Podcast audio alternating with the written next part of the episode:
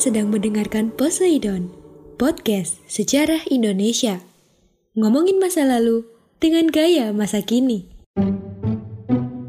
I can open your eyes, take you wonder by wonder, over sideways and under on a magic carpet ride.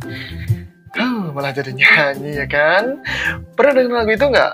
Yap, lagu yang dipopulerkan oleh Zayn Malik ini berjudul A Whole New World. Nah, soundtrack dari film Aladdin ini sempat viral beberapa waktu yang lalu. Film yang mengisahkan seorang pemuda tampan dan pemberani ini bersahabat dengan jin biru loh, yang memiliki kekuatan sihir yang istimewa. Nah, latar tempat yang dijadikan mereka tinggal adalah kota fiksi bernama Agrabah. Agrabah ini sebuah daerah di daerah Timur Tengah. Um, jika berbicara tentang Timur Tengah, dahulu pernah ada loh peradaban luhur yang bernama Mesopotamia. Apa sajakah peradabannya? Saya Mirza, ayo kita bahas.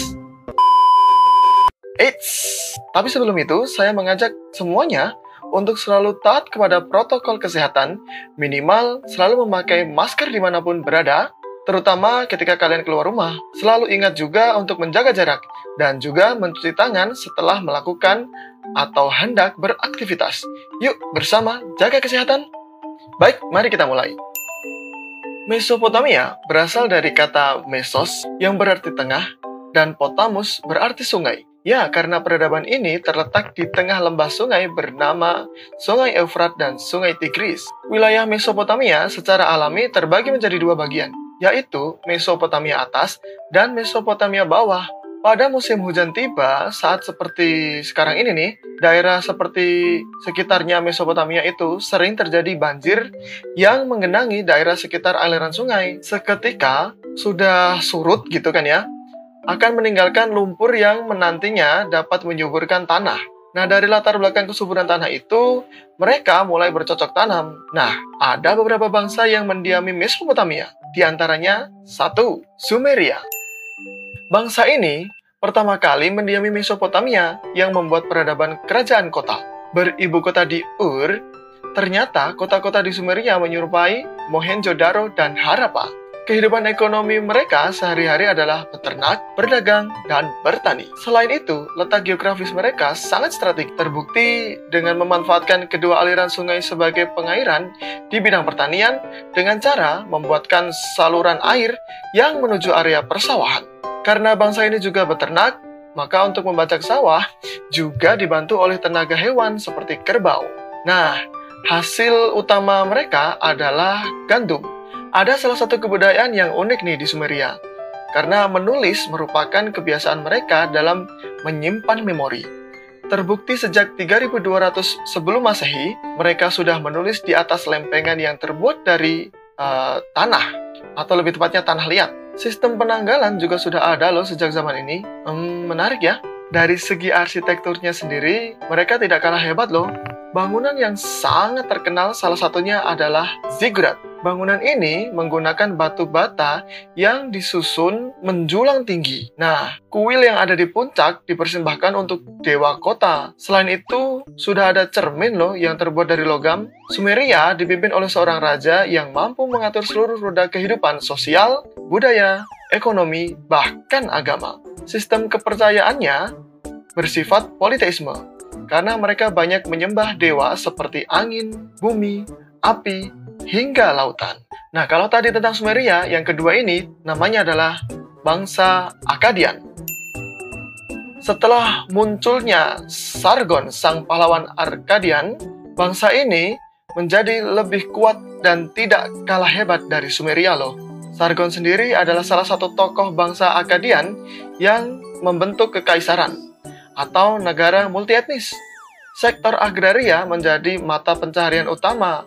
Ada dua daerah pertanian. Yang pertama, daerah selatan menggunakan irigasi, dan yang kedua adalah daerah utara yang menggunakan sistem musiman. Nah, tidak banyak catatan fakta yang akan dijelaskan, namun satu hal yang pasti dari bangsa ini adalah ternyata banyak mengopi hasil kebudayaan dari bangsa Sumeria. Selain itu, bangsa Akadian juga menganut politeisme dengan banyak dewa yang disembahnya. Selanjutnya nih, yang ketiga, ada Babylonia. Berasal dari rumpun yang sama dengan Akadian, Babylonia juga berasal dari rumpun Semit. Ibu kotanya terletak di Babylon.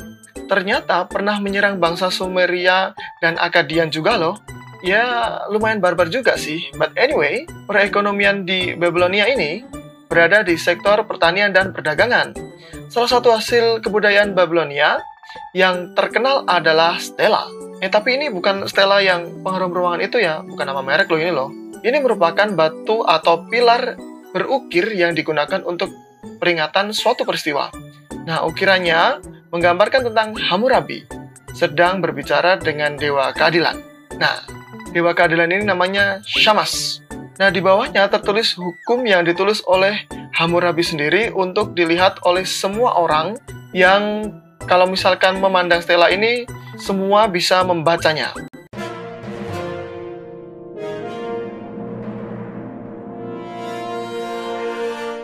Hai teman-teman, saatnya kita masuk di segmen History Flash. Tahukah kalian arti dari nama Ki Hajar Dewantara?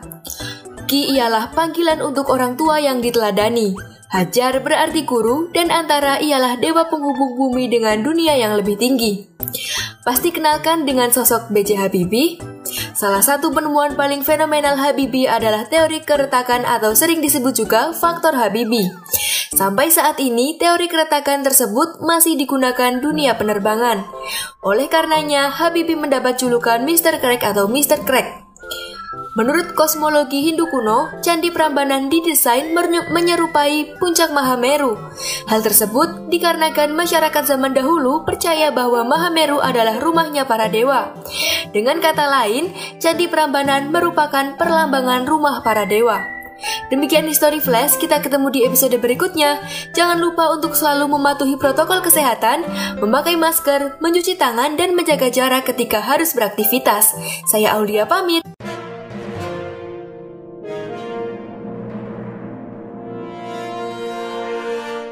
Nah, kalian tahu nggak sih sebenarnya Hammurabi itu siapa? Jadi, Hammurabi itu merupakan sosok raja yang terkenal akan keefisiensiannya atas hukum yang disusunnya, serta menciptakan stabilitas umum di daerah yang terjadi pergolakan. Nah, terdapat istilah mata, ganti mata, gigi, ganti gigi bagi hukum di Babylonia. Nah, karena dengan begitu, kaum yang lemah merasa terlindungi, serta masalah terkait dengan perdagangan dan pertanahan dapat teratasi. Selanjutnya, yang keempat adalah bangsa Assyria. Nah, kalau bangsa yang satu ini merupakan inspirasi dari YouTuber terkece, terkeren, terpopuler, bla bla bla bla bla, se-ASEAN. Assyria. Hei, enggak ding. Bangsa ini merupakan pembangun yang hebat loh. Mereka membangun berbagai kota yang megah dan banyak kuil serta istananya. Ciri dari bangsa ini adalah kaum pria mengenakan jubah panjang dan berjenggot, sedangkan kaum wanita mengenakan gaun berlengan pendek. Bangsa Assyria juga mempelajari astrologi, yaitu kemahiran meramal nasib dan kejadian-kejadian di dunia dengan mempelajari letak bintang-bintang. Mungkin Mbak Yu belajar dari sini kali ya. Hehe. Nah, ada juga hal yang unik nih Meskipun perpustakaan erat dikaitkan dengan orang-orang pintar yang suka dengan uh, ketenangan gitu kan ya. Hal tersebut justru sedikit berbeda dari Assyria. Karena ternyata mereka suka berperang loh. Jadi meskipun memiliki perpustakaan buku dan mahir berdagang, bangsa ini juga gemar melakukan penaklukan di daerah-daerah lain. Terbukti banyak sekali musuh di antaranya Yahudi dan Tunisia. Di bawah pimpinan Raja Adat Nirari, yang pertama, wilayah Assyria bertambah luas dan bahkan raja ini mendapatkan gelar Raja atas segalanya. Wena. Nah, yang kelima, ada Babylonia baru. Nah loh, Babylonia lagi? Iya, kamu nggak salah dengar. Karena Babylonia lama ternyata pernah dikuasai Assyria, lalu seorang raja Kaldea bernama Nabopolassar mengambil alih kekuasaan dan memerdekakan Babilonia. Setelah kekuasaan Nabopolassar berakhir digantikan dengan anaknya Nebukadnezar yang mengusir orang Mesir agar kembali ke tanahnya, kemudian merebut Suriah gitu kan ya. Nah, kehebatan Nebukadnezar ini salah satunya adalah membangun taman. eh bukan taman yang kayak gampangan gitu kan ya. Taman ini masuk dalam kategori 7 keajaiban dunia kuno bernama Taman Gantung. Selain itu juga membangun jembatan besar di atas sungai Efrat, serta membangun zigurat raksasa bernama Marduk. Udah kayak nama karakter di game Tekken ya. Pernah dengar gak sih? Pernah pasti ya yang pernah main Tekken gitu. Nah akan tetapi setelah Silih berganti ke pemimpinan di Babylonia, seorang pemuda nih bernama Koresi yang kedua mulai menunjukkan kehebatannya dengan ambisinya yaitu merebut seluruh tanah Mesopotamia dan mendirikan kerajaan Persia. Wih, keren ya. Nah, ambisinya itu berhasil dengan direbutnya kota Babel pada tahun 539 sebelum Masehi. Kekuasaan Persia bertahan hingga kurang lebih dua abad. Lama juga ya yang kemudian akhirnya dapat ditaklukkan oleh seorang raja bernama Alexander Agung. Itu adalah lima bangsa yang mendiami Mesopotamia. Jadi, apa yang dapat kita pelajari dari Mesopotamia? Karena ternyata kehebatan bangsa Timur Tengah sudah terkenal dari dulu kala.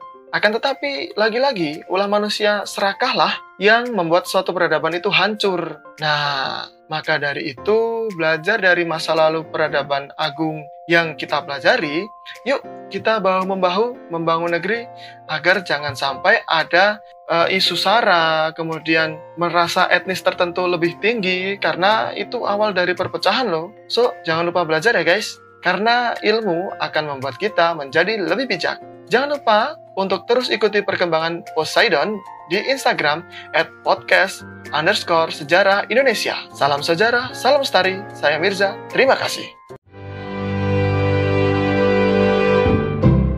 Terima kasih.